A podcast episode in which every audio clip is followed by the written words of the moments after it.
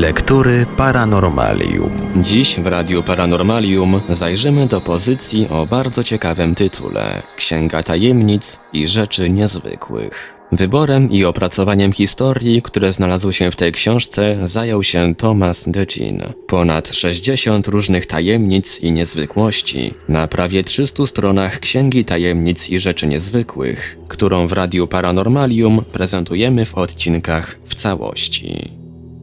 Pomnik dla tajemnicy. W pobliżu wioski Pawia w County Bedford w Pensylwanii stoi unikalny kamienny pomnik, wzniesiony ze składek publicznych jako symbol pewnej tajemnicy, która nigdy nie została rozwiązana. Rankiem 24 kwietnia 1856 roku Samuel Cox usłyszał ujadanie swego psa gdzieś w gęstwinie lasu otaczającego jego dom Spruce Hollow. Cox sięgnął po broń i wyszedł, aby sprawdzić, na kogo szczekał pies, ale zanim zlokalizował intruza, pies przestał szczekać. Samuel chodził pół godziny po lesie, nim ponownie wyszedł na polanę, na której stał jego dom. Zastał tam żonę Susana z psem. Ale gdzie byli synowie? Siedmioletni George i pięcioletni Joseph. Ojciec sądził, że dzieci zostały w domu. Jego żona myślała, że chłopcy poszli z ojcem. Pies, który wiedział, gdzie podzieli się malcy, szczekał i kręcił się niespokojnie w kółko. Przerażeni rodzice pobiegli do lasu, wołając i nasłuchując, ale bez rezultatu. Samuel poszedł przez góry do swych najbliższych sąsiadów i poprosił o pomoc. Jeden z nich pojechał konno zawiadomić innych w rzadko porozrzucanych domostwach, a Samuel z resztą pośpieszyli z powrotem, aby przeszukać gęstwinę. Przed zapadnięciem nocy ponad 100 kobiet i mężczyzn zajmowało się poszukiwaniami chłopców. Przez wiele godzin ludzie chodzili i nawoływali, przeszukiwali każdy kawałek lasu. Wszystko bezskutecznie. Istniała więc szansa, że chłopcy mogli przeżyć, zakładając, że nie wpadli w któryś z głębokich jarów w dolinie. O świcie rozpoczęto ponowne poszukiwania z udziałem nowych ochotników, którzy przebyli wiele kilometrów, aby pomóc. I ponownie minął dzień i nie znaleziono żadnego śladu chłopców. Czas uciekał nieubłaganie. Jak można przeczytać w The History of Bedford County, poszukiwania trwały wiele dni i brało w nich udział ponad tysiąc ludzi. W desperacji rodzice poprosili o pomoc różdżkarza. Mówiono, że za pomocą swej różdżki znajdował wodę, więc być może byłby w stanie odnaleźć zaginionych chłopców. Niestety nie potrafił. Różdżka podnosiła się i opadała, ale za każdym razem, gdy trafiała na ścieżkę, którą szli chłopcy, nie była w stanie doprowadzić do miejsca ich pobytu.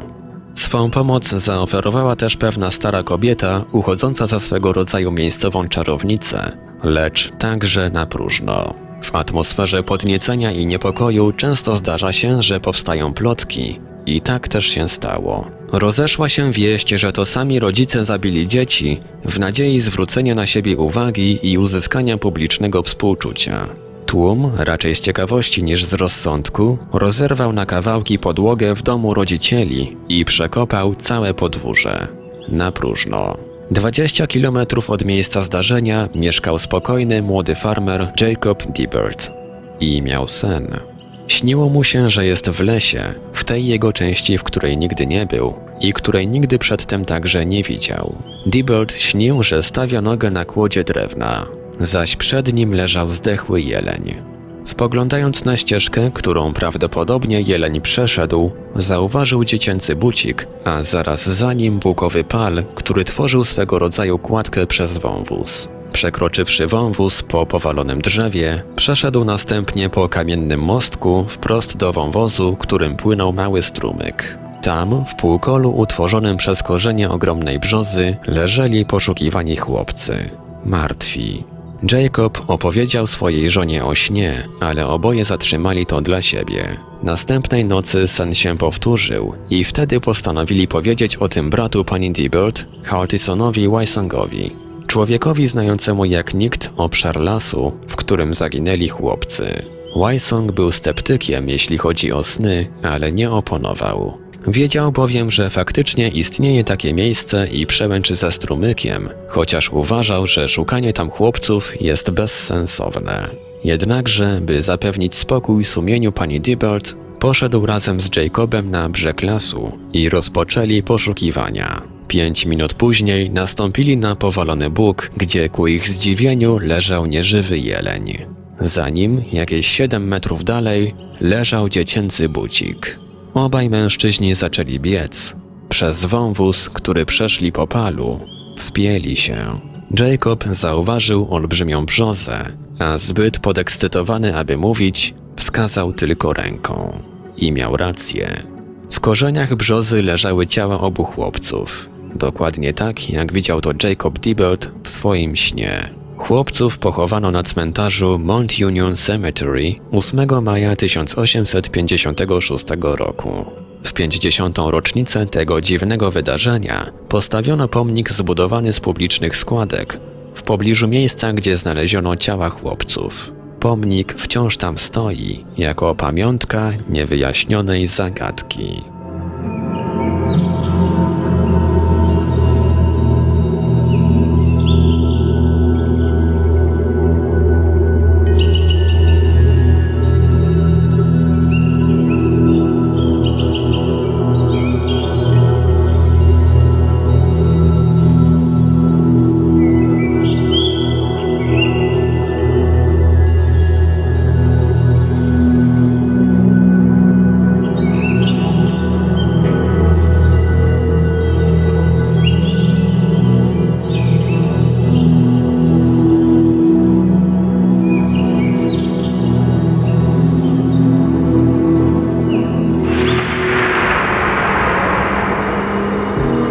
Lektury Paranormalium. Ocalony przez sen. Czy jest możliwe, by pod wpływem silnego napięcia psychicznego istoty ludzkie mogły porozumiewać się ze sobą za pośrednictwem jakiegoś nieznanego jeszcze kanału komunikacyjnego? Ze wszystkich odnotowanych przypadków tego typu na największą uwagę zasługuje historia młodej dziewczyny, która odnalazła swego ukochanego tylko dlatego, iż niezłomnie wierzyła w swoje sny. Władze miasteczka Czermno w Polsce uważały tę dziewczynę za natręta. Była u nich wiele razy z prośbą o pomoc w odnalezieniu narzeczonego, który poszedł się bić w I wojnie światowej i zniknął, jak miliony innych, gdzieś w zgiełku wojennym. W październiku 1918 roku Maryna po raz pierwszy miała okropny sen o swoim zaginionym żołnierzu. Widziała, jak szukał po omacku drogi w ciemnym tunelu. Widziała, jak odstawił świeczkę i bronił się przed spadającymi głazami i belkami. Widziała, jak padł na kolana, szlochając. Tylko to. Nic więcej. Sen powtórzył się kilka razy. W środku lata 1919 roku obraz trochę się zmienił. Zobaczyła we śnie zamek na szczycie wzgórza. Jedna wieża tego zamku była zawalona. Kiedy podeszła do tej wieży, usłyszała głos wołający o pomoc i natychmiast poznała, że należał on do jej zaginionego Stanisława. Głos dochodził spod głazów. Próbowała je podnieść, ale były za ciężkie. Zrozpaczona odwróciła głowę i wtedy sen się urwał. Kiedy sen powtórzył się kilka razy, Maryna opowiedziała go matce, a ta proboszczowi. Proboszcz odniósł się do tego bardzo sceptycznie i przypisał wszystko złemu stanowi psychicznemu zrozpaczonej dziewczyny. Ale Maryny nie można było tak łatwo zniechęcić. Gdzie jest zamek z zawaloną wieżą? Odnalezienie go wydawało się niemożliwe, ponieważ ta część Europy jest pełna starych zamków, pozostałości minionej epoki. Ciągle te przerażające sny. Widziała, jak Stanisław szedł po omacku przez tunel. Widziała zawalony zamek. Słyszała błagania o pomoc. Prawie bez grosza wyruszyła w stronę miejsca, gdzie ostatnio widziano jej chłopca. Spała gdzieś przy drodze. Jadła to, co dawali jej dobrzy ludzie. Opowiadała im o wszystkim, a oni tylko kiwali głowami. Tyle było smutnych historii z czasów wojny i tyle zamków w ruinie. 25 kwietnia 1920 roku Maryna weszła na szczyt wzgórza koło wioski Złota w południowej Polsce. Na wzgórzu stał zamek. Maryna spojrzała na niego i krzyknęła z radości. To był ten, taki jak we śnie. Ze łzami spływającymi po policzkach zbiegła piaszczystą drogą do wioski i wyczerpana upadła przy studni w centrum wsi. zebrał się tłum ludzi. Przyszedł policjant, żeby sprawdzić, co się stało. Maryna nie mogła nic powiedzieć, pokazywała tylko na zamek i mamrotała. Jest tam. Jest tam. Nie zrobiło to żadnego wrażenia na policjancie. Oczywiście, że zamek tam był. Stał tam od setek lat. Po co się więc tak denerwować? Dziewczyna opowiedziała swoją historię, ale nikt jej nie uwierzył. Zakochane dziewczyny są zdolne do wszystkiego, może więc poszukiwanie zamku było po prostu jednym z dziwacznych dziewczęcych pomysłów. Mimo to Maryna przyciągnęła uwagę wielu ludzi. Ponieważ była zdecydowana iść i kopać w gruzach, tłum poszedł z nią z ciekawości. Z uśmiechem niedowierzania na ustach mężczyźni odsuwali głazy. Pracowali tak przez dwa dni, aż w końcu ujrzeli jakiś otwór i ku swojemu wielkiemu zdziwieniu usłyszeli ludzki głos wołający z ciemności. Maryna usłyszała go także. Próbowała odsunąć głazy, ale mężczyźni odciągnęli ją i sami powiększyli otwór. W środku ktoś był. Kiedy go wyciągnęli, ujrzeli bladego i obdartego chłopca. To był on, chłopak Maryny.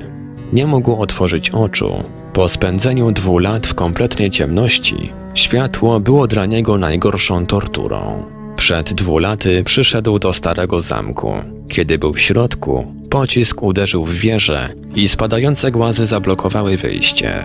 Żył serem i winem. Znalazł kilka świeczek, którymi oświetlał wnętrze, dopóki wszystkie się nie wypaliły. Towarzystwa dotrzymywały mu szczury. Jego jedyną nadzieją była modlitwa. Po tym zdumiewającym epilogu snów Maryny, wojsko polskie przeprowadziło dochodzenie w sprawie Stanisława Omeńskiego. Wkrótce został on honorowo zwolniony ze służby i poślubił dziewczynę, która w ten nieprawdopodobny sposób uratowała mu życie, wierząc w sny.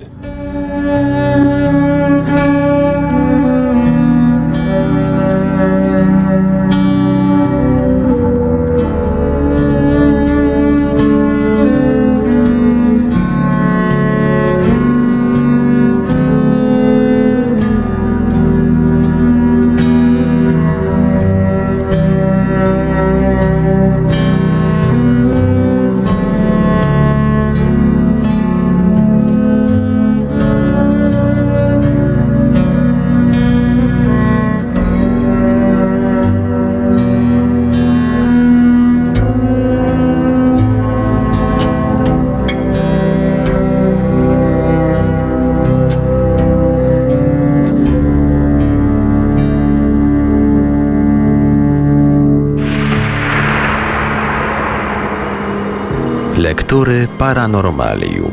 Wyśnione katastrofy. W Bostonie była niedzielna noc, gdy Byron Soames odsypiał właśnie kolejną hulankę w swoim redakcyjnym biurze w Boston Globe. Tym samym czasie w cieśninie Sunda był już poniedziałkowy poranek i miał tam miejsce najsilniejszy wybuch wulkanu w historii ludzkości. W swoim śnie Byron Soames widział katastrofę tak wyraźnie, jakby patrzył na to wszystko z powietrza, choć znajdował się 19 tysięcy kilometrów od miejsca katastrofy. Dwa dni przed niesamowitym snem bostońskiego reportera, wulkaniczna wyspa wynurzyła się z oceanu w cieśninie Sunda, w miejscu, gdzie w 1115 roku trzęsienie ziemi rozłączyło wyspy Jawę i Sumatrę. Wulkan Krakatau znany był ze swych wstrząsów i powtarzających się erupcji. 25 sierpnia 1883 roku dał znać o sobie cichym mruczeniem, które w zastraszająco szybkim tempie osiągnęło siłę kanonady. Przed zapadnięciem nocy zaczął zasypywać wyspę głazami wulkanicznymi. Pozałamywały się mosty, drogi stały się nieprzejezdne. Statki musiały się ratować ucieczką w morze, aby uniknąć deszczu kamieni. Potężne wybuchy podwodne utworzyły kipiel morską, a temperatura wody podniosła się o ponad 18 stopni w ciągu nocy.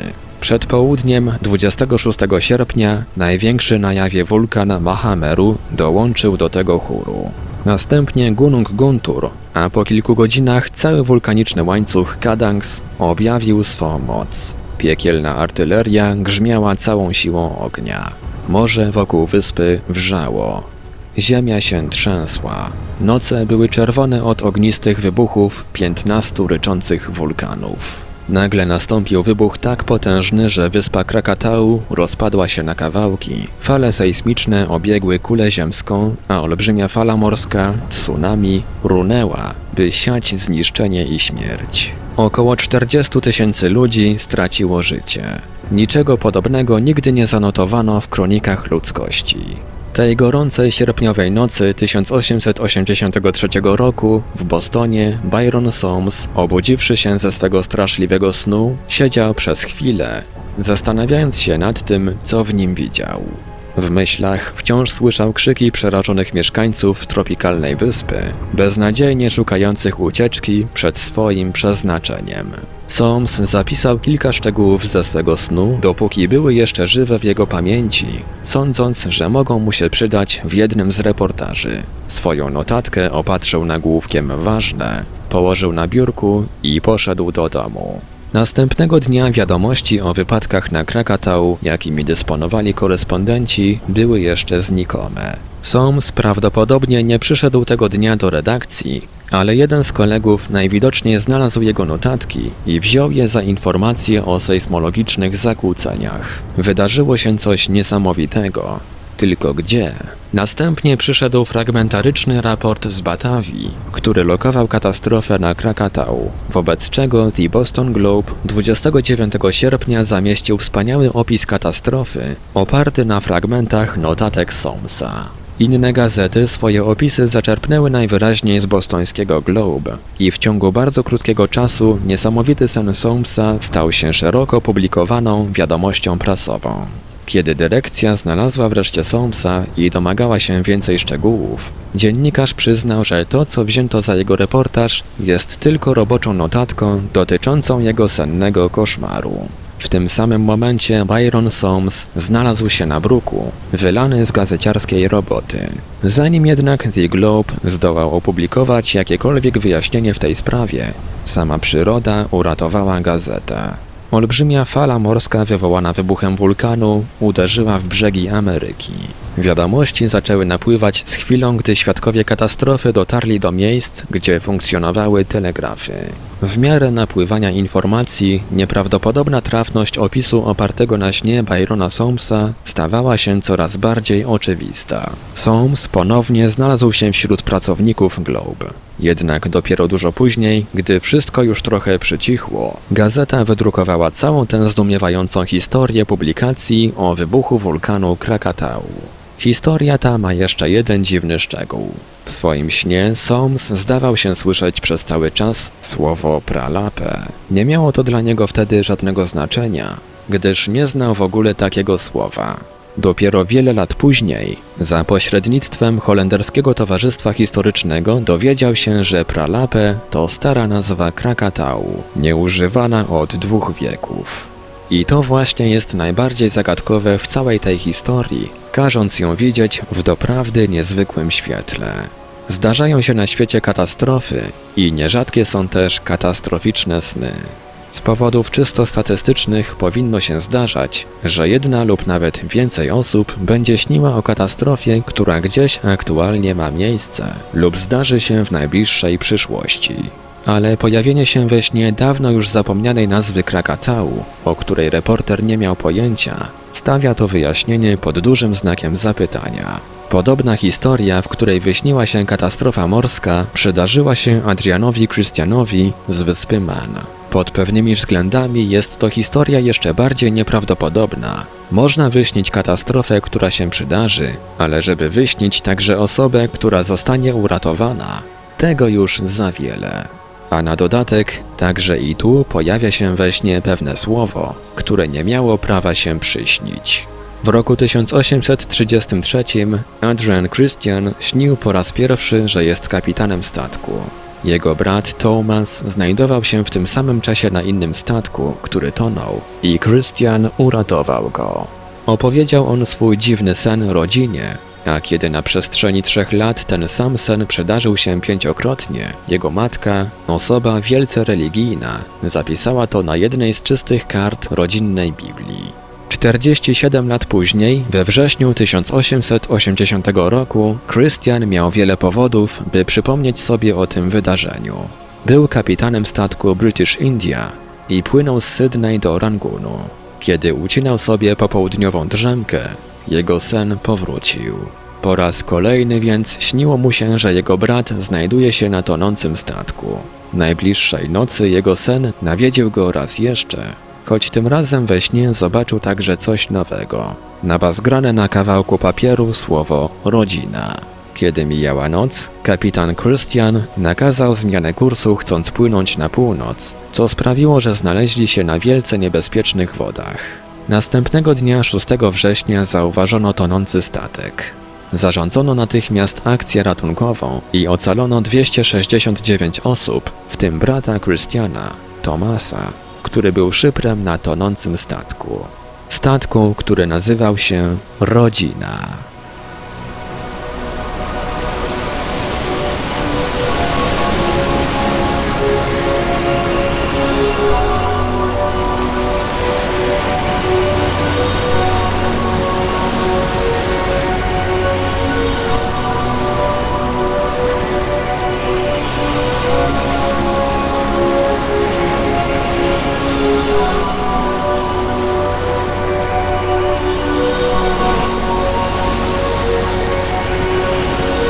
Dziś zaprezentowaliśmy ostatnie strony książki Tomasa Degina Księga Tajemnic i Rzeczy Niezwykłych. W kolejce czeka tom drugi, który również zostanie zaprezentowany na naszej antenie. A ten odcinek Lektur Paranormalium wyjątkowo zakończymy utworem muzycznym zainspirowanym przez jedną z przedstawionych dziś historii. Będzie to kompozycja pod tytułem Jacob's Dream w wykonaniu Alison Krauss opowiadające o dwóch zaginionych chłopcach, synach państwa Cox, George'u i Josephie, których odnalezienie w górach Allegheny w stanie Pensylwania w USA w tragicznych okolicznościach wyśnił jeden z mieszkańców okolicznych miejscowości. Posłuchajmy.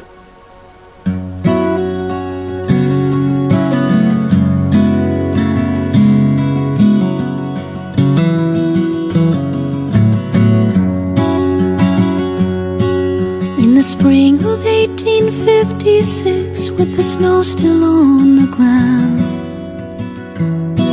Two little boys were lost in the mountains above the town. The father went out hunting, the boys had stayed behind. While mother tended to her chores, they wandered from her side.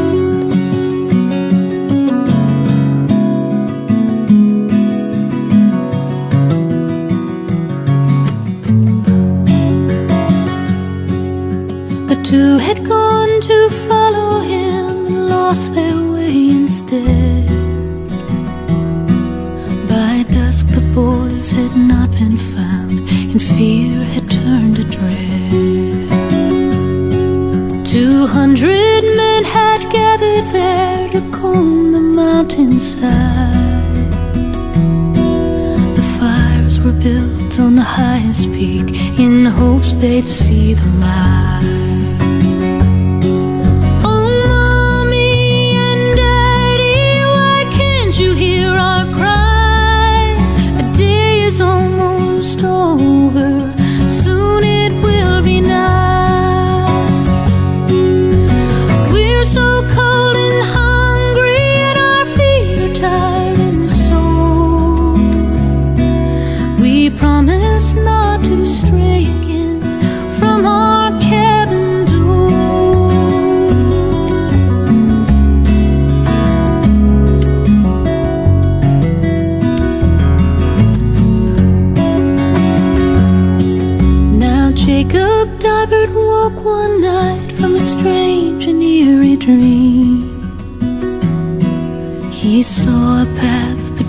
Two hills near a dark and swollen stream. He told his wife he saw the boys huddled close beside a log. For two more nights the dream returned, this vision sent from God. Oh, you hear our cries?